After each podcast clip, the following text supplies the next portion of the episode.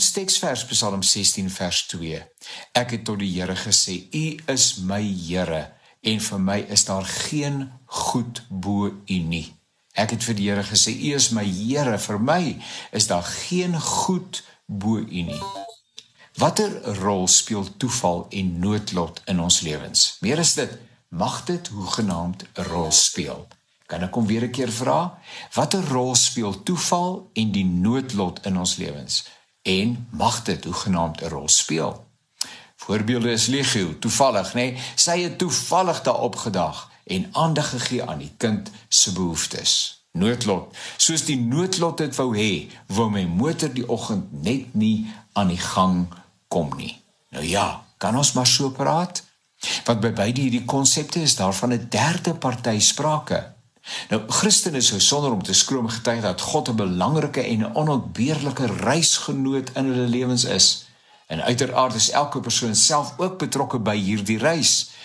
Intentioneel of by wyse van gewoonte in terme van hoe ons nou praat, word nou 'n derde party of invloed by my lewe en optrede betrek. En sy naam is toeval of noodlot.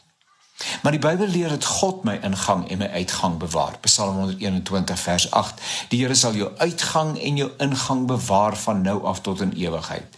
Meer modern word dit vertaal: Die Here sal jou beskerm teen ander gevaar. Jou lewe sal hy beskerm. Hy sal jou beskerm waar jy ook gaan nou en vir altyd.